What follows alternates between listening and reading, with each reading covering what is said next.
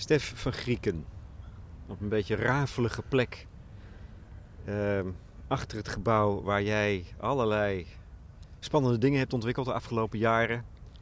Hack de overheid, apps ontwikkeld. ehm, nou ja, waar we het zo meteen over hebben. Heel brutaal. En zo voelt deze plek ook wel een beetje. Hier het bruist het van de creativiteit van mensen die eigenzinnige dingen doen. Op de deur staat dat het een anarcho-kapitalistisch centrum is. Ja. Is het dat ook? Nou, er, zitten een heleboel organisaties eh, die proberen de grens op te zoeken. En dat is iets wat het eh, Welke heel... grens? Nou, bijvoorbeeld er zitten ehm, een paar architecten hier die nu een grachtenpand aan het 3D-printen zijn. Ja. En er zit een collectief zoals ons dat probeert om, om eh, de overheid transparanter te maken. Eh, er zitten mensen die hele bijzondere feesten organiseren. En wat ik leuk vind aan deze plek is dat als je die mensen bij elkaar brengt, er soms hele interessante dingen gebeuren. En we- zeker nerds, eh, programmeurs hebben vaak de neiging om bij hun eigen groepje te gaan zitten. En eh, dit is zo'n plek dat eh, ook heel erg uitlokt tot, eh, tot kruisbestuiving. Ja, ja. En dat is, ook echt, dat is ook echt het geval geweest. Ja, absoluut. Ja. fijn. Je bent net terug uit, eh, uit Amerika. Klopt, Want Dat is ja. het leven wat je eh, de komende jaren zult gaan leiden. ja, dat is wel wat ik hoop, ja. Wat ga je doen? Ik ben ehm, technisch programmamanager geworden bij Google.org. Dat is de filantropische tak van Google. En, eh, Google heeft een filantropische tak. Ja, Google heeft een, een, eh, een eh, organisatie die zich ehm, inzet om de wereld te vergroenen. En, eh, nou ja, waar ik dan me specifiek mee bezig gehouden is eh, om ehm, eigenlijk ehm, ehm, alles rondom verkiezingen en de manier waarop gemeenschappen met elkaar werken, eh, om die te versterken. ehm, gebruikmakende van, eh, van kennis en, en kunde bij Google. Moet je bijvoorbeeld denken aan ehm, eh, Google doet bij, eh, bij een heleboel verkiezingen wereldwijd maken ze een aparte pagina waar mensen dan kunnen zien op wie ze kunnen stemmen. Eh, tijdens de verkiezingsavond komen de resultaten live binnen. Dat soort type, eh, type project. Ja. Nou ben je hier vrije jongen geweest. Een vrije jongen, hier ja klopt. ben je vrije ja. jongen geweest. En dan ga je naar zo'n bedrijf. Wat, wat drijft je daartoe? Je hebt, je- ik weet dat je de stage hebt gelopen hè, in de tijd. Nou ja, het- het- Google is eh, op dit moment echt een hele bijzondere plek om te zijn. Eh, er is eh, veel ruimte om te innoveren. En ehm, je hebt ook een, het leven in San Francisco is ook erg bijzonder. Heb ik gemerkt toen ik daar stage liep. Ehm, Waarom? Nou, het is echt een plek die een heleboel mensen aantrekt die proberen technologie op hele, op hele knappe manieren in te zetten. En eh, je loopt daar een bar in en dan zijn er vijf van de, van de tien mensen waar je mee spreekt bezig met een nieuwe start-up of met een idee wat ze graag eh, de wereld in En willen daar brengen. praten ze ook over. Ja, daar praten ze ook over. En dat is echt iets dat die stad bruist heel erg. En daar komt ook een heleboel vandaan. Als je daar over de snelweg vanaf de binnenstad in San Francisco eh, richting het zuiden rijdt, dan kom je langs Twitter en LinkedIn en Facebook en Google. En al die grote bedrijven zitten daar. En dat trekt een enorme massa mensen aan die daar ook graag wil zijn. Ik ben daar een van. Ja, jij vond het opwindend. Ik vond het zeer bijzonder om daar te zijn. Ja, absoluut. Ja. Ja. Overigens, veel vrienden van mij, merk ik, zijn daarheen aan het verplaatsen. Eh, Oh ja? die, die vinden dat een leuke plek om te zijn. En als ze de kans krijgen, zie je ze gaan. Ja. Betekent dat een soort drain uit Nederland weg? Je kan vragen waarom wil je naar Amerika, maar je kan ook zeggen je gaat weg uit Nederland. Dat, Ja. heeft, dat heeft ook een betekenis, denk ik. Dat is niet Absoluut. voor niks. En dat, geldt dus kennelijk voor je vrienden ook.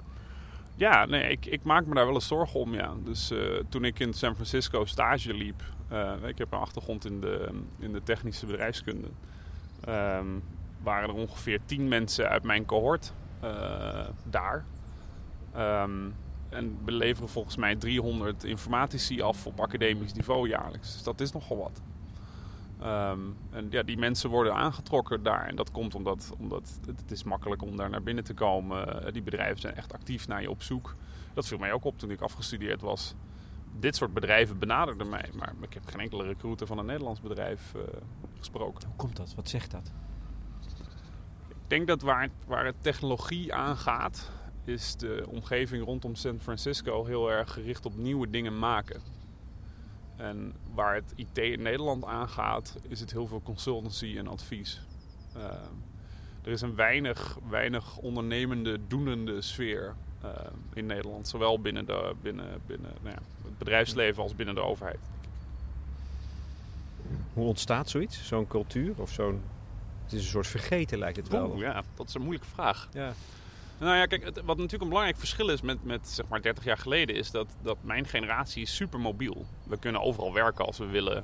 We zijn niet specifiek gebonden aan dit land. En, en Nederlanders zijn denk ik ook veel minder nationalistisch dan anderen. Ehm, en we hebben gewoon een schrijnend tekort aan, aan mensen die technisch goed geschoold zijn. En dan no- heb ik het niet over mensen die een brede technische opleiding hebben, maar specifiek informatici. Ik bedoel, het internet is inmiddels echt een significant stuk van onze economie. En, en we hebben gewoon echt een tekort aan mensen die daar dingen kunnen maken.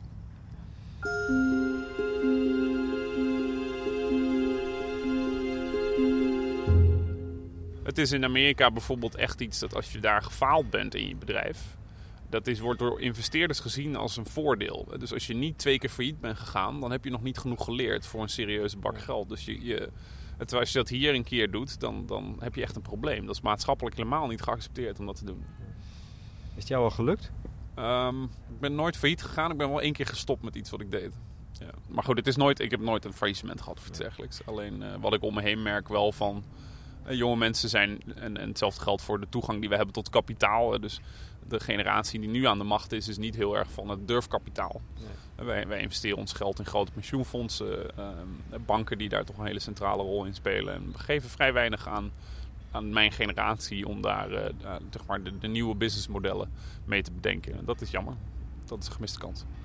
Goed, nu hoef je dat niet meer, want je zit bij een, een van de gro- grootste Ja. ondernemingen ter wereld. Stef van Grieken, je hield op Lowlands een toespraak van zes minuten. En het opende je met de, de, de mededeling dat jullie wel zouden denken... Jullie zouden mij een, als een hacker of als een nerd beschouwen. Waarschijnlijk, ja. Ja. Dat klinkt alsof je dat voor jezelf, alsof je dat eigenlijk zelf helemaal niet vindt. Of dat je het als een soort geuzennaam draagt. Het is een geuzennaam, ja. Hoe zie Ja. jij jezelf in dat opzicht? Ik zie mezelf denk ik als een pratende nerd. dus eh, eh, waar ik heel erg warm van word en wat ik echt heel erg leuk vind om te doen, en dat is iets wat denk ik heel, raar, heel vreemd is, is dat ik heel graag dingen programmeer en maak en samen Ja. met mensen werk aan dingen en, en Star Wars en Star Trek fantastisch vind. En al die dingen die in dat stereotype zitten, ja hoor, echt eh, vind ik heel leuk. Aan de andere kant denk ik dat ik ook iemand ben die kan uitleggen waarom we de maatschappij leuker kunnen maken als we het iets meer laten lijken op het internet. Ik kan, ook, ik kan me ook makkelijker onder woorden brengen dan veel van mijn eh, studiemaatjes. Zeg maar. Ja. Maar dat is het ideaal. De, de- de maatschappij moet gaan lijken op internet. Ja, ik denk dat het, eh, het internet is, is gebaseerd op een aantal principes. Eh, zoals dat het van, van eh, nature eh, trusting is. Dus het, het vertrouwt iedereen die daar iets opzet. Je hoeft geen toestemming te vragen aan iemand om dat te doen. Het, ma- het maakt het mogelijk om in contact te komen met iedereen die zich daarin verbindt. Ehm, eh, en, en dat soort ontwerpprincipes, die zouden we in onze maatschappij misschien ook eens wat meer moeten toepassen. Ja. Dan kan het twee kanten op hè? en dat gaat het ook. Aan de ene kant kan het de, ang- de, de weg op van de angst. En Ja. de totale controle en de inbraak in de privacy van mensen. Nou, daar is natuurlijk deze dagen veel over te doen. En de andere kant is de weg van het optimisme, van de, van de verbinding met elkaar. Ja, ja. Waar, waarom denk jij eigenlijk alleen aan die ene kant? Die, vrolijk, die vrolijke, lichte kant en niet aan die andere kant? Nou, ik, ik denk ook wel aan die andere kant, maar ik zou het jammer vinden als we het kind met het badwater weggooien. Het internet is een enorme kans. En het internet is ook op dit moment vooral een heel westers ding, wat zich steeds groter aan het, aan het worden is. En, steeds meer mensen sluiten er zich erop aan. En dat geeft ruimte om onze, onze, de manier waarop we samenleven anders te organiseren. Neem een voorbeeld. Stel, ik zou in mijn wijk makkelijker kunnen vinden welke mensen hulpbehoevend zijn. En de Nederlandse regering zou zeggen: Goh, we geven eh, een kleine belastingkorting voor mensen die zich daadwerkelijk inzetten voor, voor hun wijk. En we gaan dat organiseren, dat proces. Dat gebeurt niet. We gaan er nu maar vanuit dat die overheid ons diensten geeft en in ruil voor belasting krijgen we die diensten. Ehm, en ik denk, denk dat dat jammer is, want ik denk dat we elkaar ook wel wat meer kunnen gaan helpen. En dit internet is een fantastische katalysator om dat, eh, om dat te organiseren. Omdat het zo makkelijk verbindt. Het verbindt heel makkelijk, ja. En ik, ik denk dat dat ons uiteindelijk, en nu ook, eh, meer goeds gaat doen dan, eh, dan kwaad. Ja. En, en, en, Buiten verlet dat privacy verschrikkelijk belangrijk is. ja. Ja, maar is dat iets waar je, waarvan jij denkt eh, persoonlijk, dat, dat laat ik aan de anderen over om zich daarmee bezig te houden? Want ik, ik hou me met die, met die positieve kant van het internet bezig. Ja, het heeft minder mijn interesse, die kant. Hoe komt dat? Ehm, ik, ja, ik denk dat dat zo ontstaan is. Ik ben altijd wel een politiek dier geweest. Ehm, dat ik altijd bezig ben geweest met debatteren en dat soort dingen. En, eh, Nou ja, ik vroeg me af of jij bijvoorbeeld door zoiets als, ehm, als utopie wordt gedreven. Hè, Rutger Bregman heeft er in eh, Tegenlicht een hele uitzending aan gewijd. Aan het idee Mhm. van utopie. Het is, een, het is een begrip dat heel lang eigenlijk uit den boze was. Is dat iets wat jou aanspreekt? Ben jij een utopisch denken? Ehm, ik ben wel een idealist. Maar de dingen die ik vraag zijn heel pragmatisch. Zeg maar. dus, eh, dus ik heb niet een heel filosofisch idee over waar eh, de, de, de overheid en de samenleving naartoe zou moeten. Eh, Juist een heel concrete. Om, om een voorbeeld te noemen. Ehm, eh, eh, de Kamer van Koophandel. Ik ben ook ZZP'er altijd geweest. En daar moet je je inschrijven. En dat is een verschrikkelijk, verschrikkelijk proces met allerlei formulieren en stempels. En dan kom je in een database en dan verkopen ze ook nog eens je informatie aan allerlei mensen die je krantjes willen versturen. En dan denk ik, goh, dit is iets wat ik met een aantal mensen om mij heen redelijk goed kan organiseren. En je ziet dus ook dat zo'n project als Open KVK van Stefan de Koning in principe de hele Kamer van Koophandel database nagebouwd heeft op open source software. En dan denk ik, nou, dat is leuk, want dat geld hebben we dan weer over voor andere dingen als En we dat en- zouden gebruiken. En wat is dat precies, dat open KVK? Open KVK is eigenlijk een open handelsregister. Dus dat is een, eh, een website waar je makkelijk kan eh, opzoeken wat, eh, wat de adresgegevens van bedrijven zijn. Maar inmiddels hebben ze dat ook gekoppeld met dingen van de Belastingdienst en, en rechtbanken. Zodat je kan zien, is een faillissement aangevraagd? Heeft dit, deze organisatie een ambi-status? Ehm, en ze hebben er ook een koppeling op gebouwd, zodat anderen dat kunnen hergebruiken. Nou, dan zie je bijvoorbeeld dat er een paar grote boekhoudpakketten nu, als je gewoon een naam intikt van een bedrijf, dan vult hij dat aan. net als in de zoekmachine, zodat je heel makkelijk kan kan zien waar moet ik nou naartoe factureren. Nou, daar wordt het leven makkelijker van. En wat je dus eigenlijk doet, is dat je de overheid een stuk toegankelijker maakt voor derden. eh, om in dit geval hele basale dingen als adresgegevens van bedrijven eh, beschikbaar te maken. Hè, maar anderzijds, een, een ander voorbeeld wat ik in Nederland heel mooi vind van uh, Reiner Rustema is petities.nl.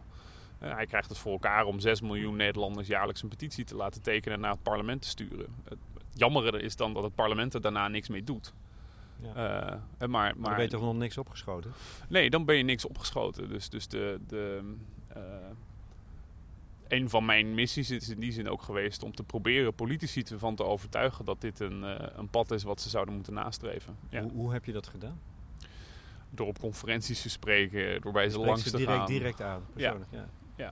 Ja, door met ministeries te gaan, maar ook door eh, die, die hackathons. Hè, dat zijn evenementen waar we een weekend eigenlijk programmeurs samenbrengen met ambtenaren om mooie toepassingen voor de maatschappij te maken.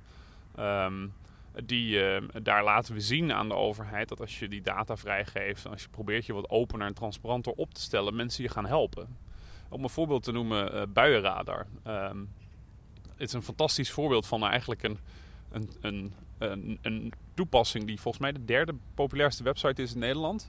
Op basis van KNMI-data. Dat is een regenradar. Dat is gewoon public asset, zeg maar. Dat hebben wij met z'n allen voor betaald. En hoe fijn vinden we dat we niet door de regen naar huis hoeven te lopen. Dus in die zin minder utopisch. Um, ik denk wel dat als we één keer komen in het domein van hoe maken we beslissingen als mensen, als groep, zeg maar. En um, hoe zorgen we voor onze medemens? Hoe kunnen we ervoor zorgen dat we eigenlijk vraag en aanbod in bijvoorbeeld zorg, in, in het maatschappelijk veld goed organiseren. Volgens mij is dat fantastisch. Het lijkt mij, het lijkt mij echt super leuk om bijvoorbeeld op vrijdag jonge kinderen te leren programmeren. Zeg maar mensen die, mensen die dat leuk vinden, die ook een beetje nerdy willen worden, die, die wil ik best leren programmeren. Gewoon in je, als een soort vrijwilligerswerk zie je dat Ja, ik vind dat ook wel een plicht.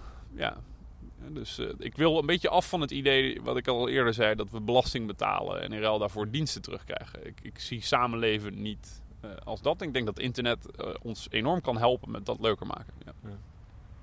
Je hebt zelf ook natuurlijk dingen gebouwd. Waar ben je nou het meest trots op? Wat vind je echt een aanwinst? In die zin dat je denkt dat daarmee inderdaad misschien wel die, die samenleving, hè, dat ideaal van die samenleving verbeterd is? Nou, ik, ik ben iemand geweest die zich voornamelijk op de achtergrond heeft gehouden van veel van dit soort projecten. En we hebben eigenlijk geprobeerd om die data bij overheden weg te halen en beschikbaar te stellen aan andere mensen. Dus als ik dan kijk naar wat zijn nou projecten waar we echt trots op zijn. Um, open onderwijs. Dus uh, 50.000 ouders krijgen nu maandelijks informatie over wat is een geschikte school voor hun kinderen. Op basis van data van de inspectie, van het duo, van een aantal andere dingen. En die kunnen daarmee een geïnformeerde keuze maken over waar vind ik dat mijn kind naar school zou moeten gaan. Nou, dat vind ik heel mooi. Dat is, dat is fantastisch dat dat gebeurt. Um, uh, maar ook... Um, Open OV, ook weer van Stefan de Koning. Die, dat vind ik een fantastisch mooi project, wat ook is begonnen in die hekte overheid gemeenschap. Ehm, waarin ze eigenlijk 90% van onze vervoersdata open vrij gemaakt hebben. Waardoor allerlei appjes tegenwoordig ineens snappen. Hier ze file, zo laat is de trein er. En, uh, het is hele functionele dingen zijn dat eigenlijk, maar, uh, uh, maar super nuttig. En waar ik veel van verwacht is ehm, eigenlijk een, een, een, aantal zaken die we, die we zouden moeten doen, denk ik, als Nederlanders. Waarmee we het een, een stuk beter zouden kunnen maken. Is in het zorgdomein meer data gaan vrijgeven. Het energiedomein. Um, en in overheidsfinanciën. Moet, je, moet je eens voorstellen als we ineens op het niveau van de factuur inzicht hebben in waar de overheid geld aan uitgeeft.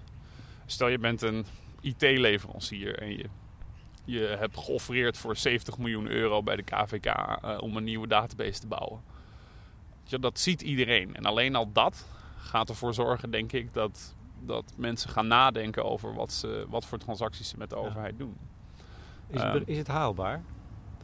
Of staat daar angst, belang van alles staan daar in de weg? Er zitten heel veel belangen. Ja. En uh, die staan in de weg. Zeker. Het is niet heel moeilijk om dit te doen. Nee, dat dus... bedoel ik. Want je hebt het ook laten zien. Je hebt het op, op talloze verschillende manieren laten zien. Ja, in dus... concrete toepassingen, apps. Absoluut, ja. Maar je hebt een tegenstander die zich niet zomaar prijsgeeft. Nee, nee. Het is... Uh, uh, Judge Brandijs van de US Supreme Court zei ooit: uh, Sunlight is the best disinfectant. En daar geloof ik heel diep in. Dus ik, uh, wat, ik, wat ik raar vind is dat in Nederland op de een of andere manier transparantie gezien wordt als iets anarchistisch, zeg maar. Um, als iets, uh, alsof, dat, alsof dat niet normaal is dat de overheid zich prijsgeeft. En wat je, wat, je, wat je dan tegen mij eigenlijk zegt is: God, burger, u bent te dom om dit te begrijpen. En u gaat het zeker niet gebruiken de volgende keer dat u gaat stemmen. Um, en dat, dat vind ik raar, want ik denk dat, dat er heel veel ja, positieve. Er, er kan gewoon heel veel moois met die informatie die de overheid heeft. Het enige wat ze wel moet doen is zich blootgeven. Ja, dat is heel eng. Politiek ook vooral. De, die, al die informatiesystemen die we hebben gemaakt, die raken vaak ook aan de kern van die taak die die overheid uitvoert. Dus het wordt ook ineens heel inzichtelijk waar het goed gaat en niet goed gaat. Maar dat is het dus. En dat is pijnlijk. Uh, maar er zijn ook heel veel commerciële belangen uh, waar je tegenaan loopt. Ja. En dat is soms moeilijk. Maar goed, uh, je kan de wet hier... Wiens commerciële belangen? Neem bijvoorbeeld, um, dus de, het zijn vooral de commerciële belangen van houders van die informatie. Dus, dus, en ik snap dat dilemma ook wel. Hè. Dus, maar wacht even, want ik snap ja, dus, dus, over, overhoud heeft die informatie ja. opgeslagen in databases, maar die heeft daar toch geen commercieel belang bij? Nee, maar die had een ander verzameldoel. Maar die verstoort mogelijk wel een markt.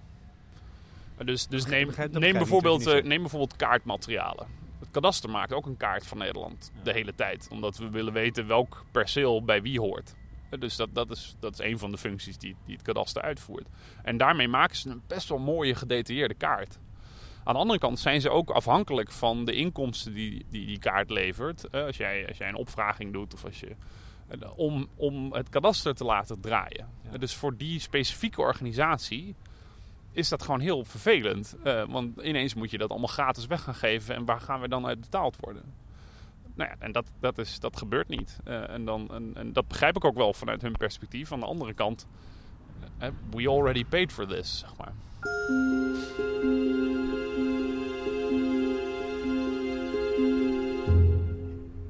Terwijl je net hebt uitgelegd dat veel van, van jouw generatiegenoten met dat creatieve talent en het vermogen om die dingen te maken, bijvoorbeeld verdwijnen uit Nederland.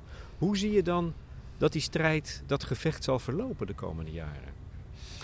Wat ik in ieder geval zie ontstaan is dat er een heleboel organisaties nu opstaan en zich met dit soort dingen bezig gaan houden. Uh, dus waar we drie jaar geleden met een paar mensen waren die hiermee bezig waren, zijn er nu evenementen waar honderden mensen naartoe komen die hiermee bezig zijn. Dus het eerste wat er gebeurt is er wordt kritieke massa gemaakt.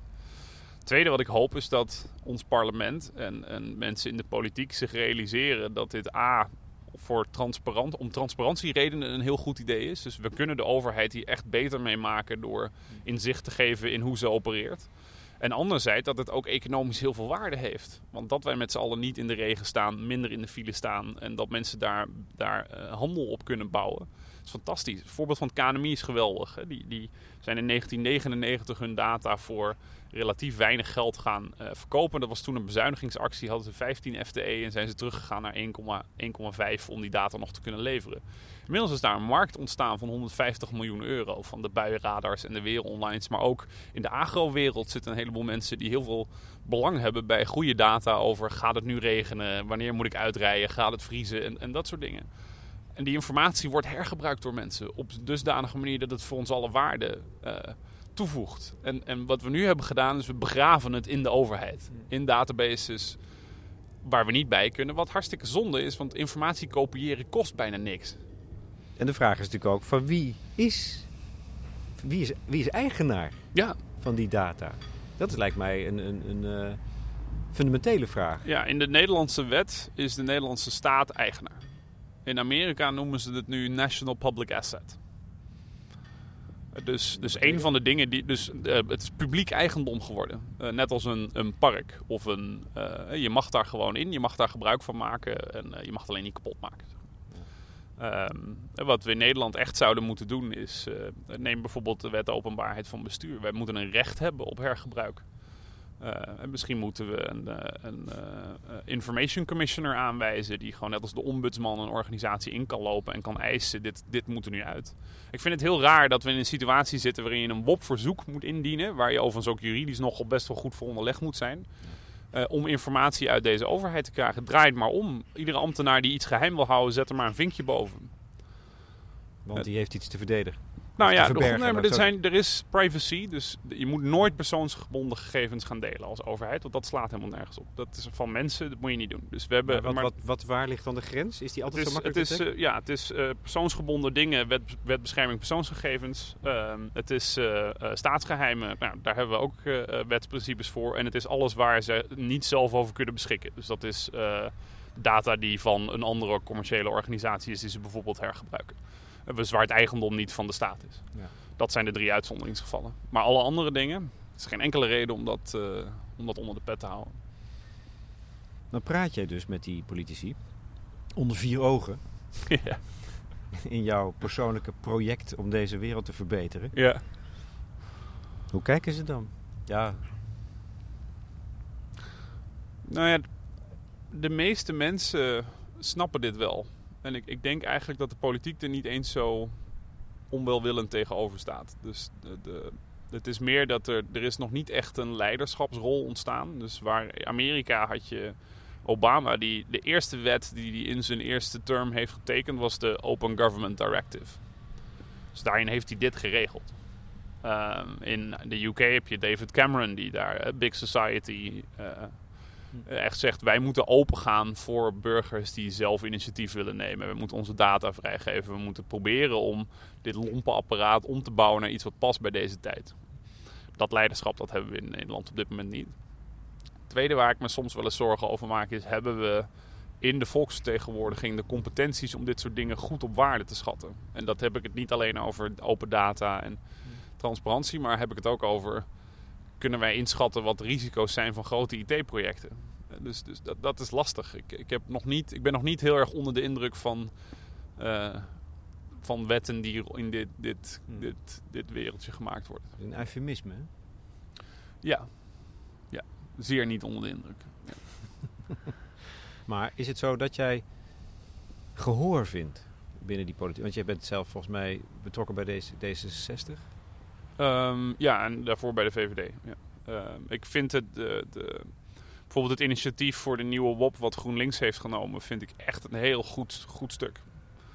Daar, staat, uh, daar zit veel van deze geest zit daarin.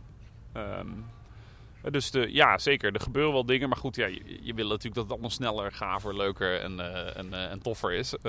En, en dat is soms lastig. Ja, of je moet zelf de politiek in. Ja, nee. dat is wel heel uh, vernietigend, deze lach. Ja, sorry, nee. Dat, uh, nee. nee waarom niet? Want dat zou de stap zijn natuurlijk. Hè? Als, je, als, je, als je zegt van ja, er is geen competentie in het parlement om hier goed nou over ja, te... Dit is een, dit is, dit, ja, en dan, dan zou je dat als eenmansshow kunnen gaan doen. Uh, het eerste is dat ik, dat ik maar van een hele beperkte hoeveelheid dingen verstand heb. Ehm, dus over een heleboel andere dingen ook vooral niet te veel moet zeggen, vind ik. Um, anderzijds, dit is een probleem wat vooral partijen hebben. Waar we in de, in de jaren 70 zeg maar nog, wat was het, 30, 40 procent van de Nederlanders lid was van een politieke partij. Zijn we nu volgens mij rond de 1, 2 procent aangeland.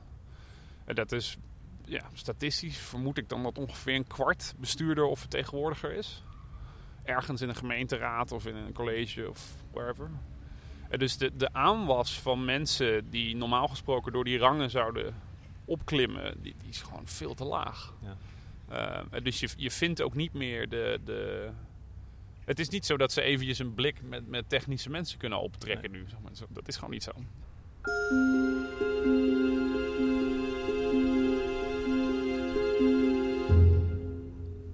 Die, die, die partijen moeten echt gaan nadenken over hoe vinden wij onze weg terug ja. naar burgers. En hoe krijgen we ze betrokken bij, uh, bij het inrichten van hun wijk. Ik bedoel, gemeenteraden op dit moment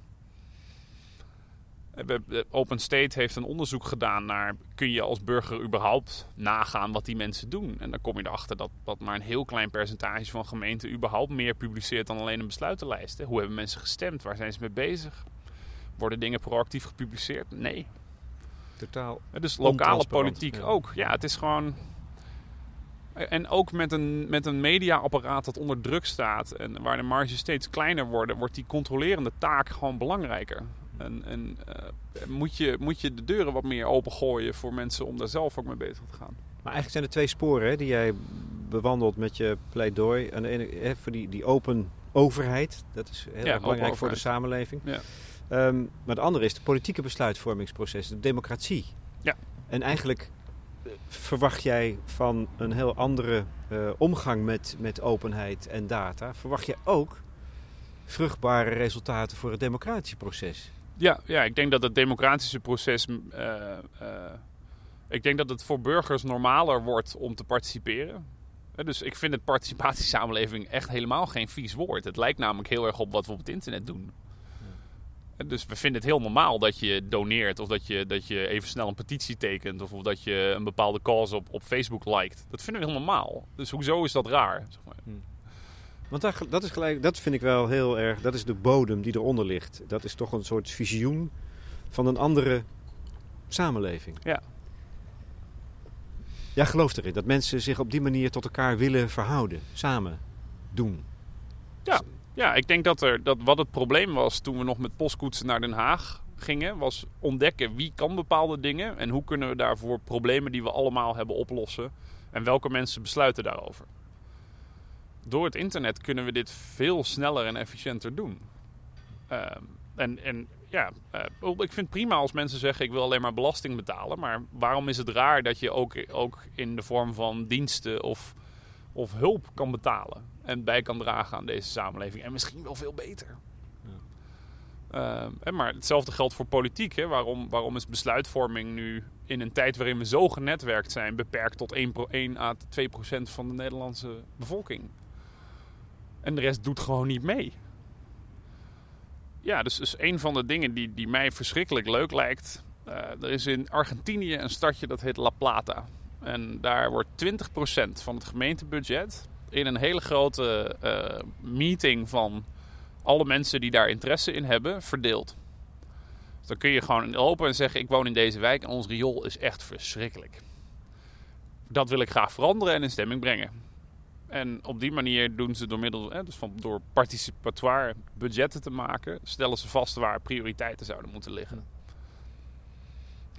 Dat, dat... Bijvoorbeeld. Hè? Dus ja, eh, eh, eh, we kunnen dit soort dingen nu organiseren. En zeker met internet. Hè? Je kan iedereen in de overheid, je gemeente, kan mensen mailen en zeggen: Goh, jongens, we hebben 20% gealloceerd. Iedereen kan hier initiatieven plaatsen. Die kan een rationale bijschrijven over waarom die dat wil. En je kan er met z'n allen op stemmen. Maar ook hele, hele simpele dingen als, als ik meld in mijn wijk dat er, eh, dat er uh, nou, toen ik nog in Groningen woonde, dat er een voetbalkooi is daar die bijna uit elkaar valt. En ik kwam erachter dat er best wel wat mensen waren in mijn wijk die met een gezellige barbecue daar wel een likje verf overheen wilden leggen. Dus als gemeente kun je ook die vraag articuleren uh, en zeggen, kunnen, mensen ons hiermee helpen? Maar andersom ook, vertel ons vertel ons waar, uh, waar, uh, waar, de, de, de, waar jullie het niet leuk vinden. Waar wij tijd moeten investeren en dingen moeten verbeteren. Ehm, maar ook, ik loop een restaurant in, dit is hier smerig. Zorg dat dat terechtkomt bij de, eh, bij de Voedsel- en Warenautoriteit. Ik vertrouw deze kippenbout niet, weet je. Dus dat soort vormen van... En al die dingen die nu, ik, ik zie je knikken, die nu heel normaal lijken als je erover spreekt. Dat zijn dingen die we helemaal niet doen. Waar het onze samenleving en onze overheid aangaat. Nou, ik denk dat er ook een angst onmiddellijk op de loer ligt van een, een, een, een totale controle die mogelijk is, of mogelijk wordt. Of de angst daarvoor, laten we het zo zeggen. Controle van wat? Van ons gedrag. Waar zijn we dan nog vrij? En van Eens, onszelf? ja. Ja, maar, ja, maar dan moet je je dus afvragen... gaat dat met een sterkere of met een minder sterke democratie gebeuren? Ja, Dus laten we dan in ieder geval beginnen met het versterken van de invloed die wij als burgers hebben op die besluitvorming. Want nu is het omgekeerd. Ja. ja, dus de, de, ik, ik hou niet zo van geheimen. Zeg maar. Heb je geen geheimen? Dus natuurlijk, ieder, ieder mens heeft geheimen. Maar waar het onze samenleving en onze overheid aangaat, vind ik dat je die echt tot een minimum moet beperken. Ja. Je zei net drie terreinen, hè? Energie, zorg. Want hoe zie je dat? Hoe zie je dat bijvoorbeeld op het gebied van de, van de zorg? Daar denk je dat je heel veel verbetering kunt creëren op Ja. deze manier? Ja, nou ja, hoe, dus hoe zie je dat voor je?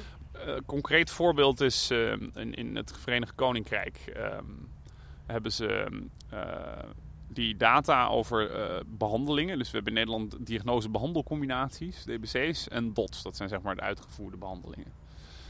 En die hebben ze daar open gegooid. Dus niet op persoonsniveau, maar hoeveel van die dingen voeren we hier uit? Welke medicatie gebruiken we daar dan bij? En, dus geaggregeerd op niveau van een, eh, van een zorginstelling. Waar ze daarachter kwamen is dat ze, dat ze in heel veel gevallen merkmedicatie gebruikten waar er precies dezelfde chemische substantie ook beschikbaar was als een generic, dus als een merkloos medicijn. Ehm, nou, de verwachte besparing daarop is ergens in de orde van 200 miljoen pond. Dat is één voorbeeld van inzicht krijgen in eh, hoe dingen werken en daar dan een hele rationele beslissing op nemen.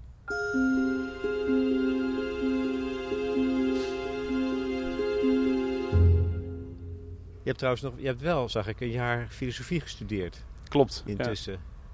Dus je zocht kennelijk toch ook, je bent zo'n doener, zo praktisch, zo'n bouwer. Maar je zocht kennelijk toch ook nog naar een soort motivering op een abstracter niveau.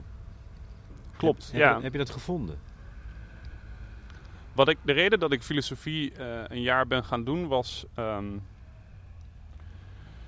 ik kwam op die, die, die wiskundefaculteit in Groningen aan. En ehm, wat ons techneuten denk ik te verwijten valt, is dat we nogal superieur gevoel hebben over science. Over wat wetenschap is. Dus eh, van nou, alles wat met wiskunde te benaderen is, is puur. En al het andere is leuk. Dat vind jij ook eigenlijk. Nou, dat was de cultuur heel sterk. En mijn gevoel was heel erg dat dat niet zo was. Dat er meer is dan dat. En wat ik belangrijk vond was om te leren over hoe werkt ethiek. En hoe werkt onze geest. En eh, welke, welke, op de schouders van welke denker staan wij eigenlijk allemaal. Ook dat hele wiskunde.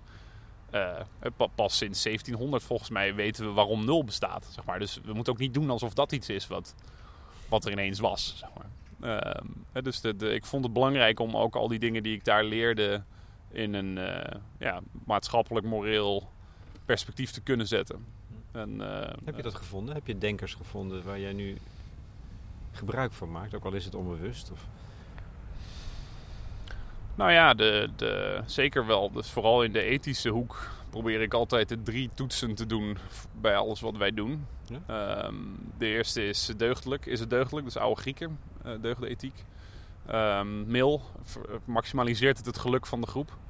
Ehm, en categorisch imperatief van Kant. Dus eh, eh, zou ik dit tot een wet willen verheffen? Als het alle, alle drie die vragen met ja kan beantwoorden, dan denk ik dat ik een goede keuze heb gemaakt. Ehm, en dat, dat is soms moeilijk. Ik geloof niet in absolute transparantie. Ik geloof ook niet in dingen als Wikileaks. En ik geloof ook echt dat er belangen zijn die we, die we geheim moeten houden. eh, gewoon simpelweg omdat we, dat je af en toe tijd nodig hebt om met elkaar te kunnen onderhandelen en discussiëren. Zonder absolute openheid. Maar iets, ik vind dat we nu iets te ver zijn doorgeschoten naar de andere kant. Maar er zit aan twee kanten van deze weg een greppel. En we moeten ergens op midden blijven rijden. Zeg maar. Stef, Stef van Grieken, het is wel jammer dat je weg bent hoor. Ja, ik, ben, eh, ik kom nog wel terug op een gegeven moment. Maar ik moet echt even een tijdje uh, die, die behoefte die ik heb om uh, aan dit soort problemen te werken, op doen op de plek waar dat het het beste kan. Ja, ik weet niet of ik echt verdwijn, maar voorlopig.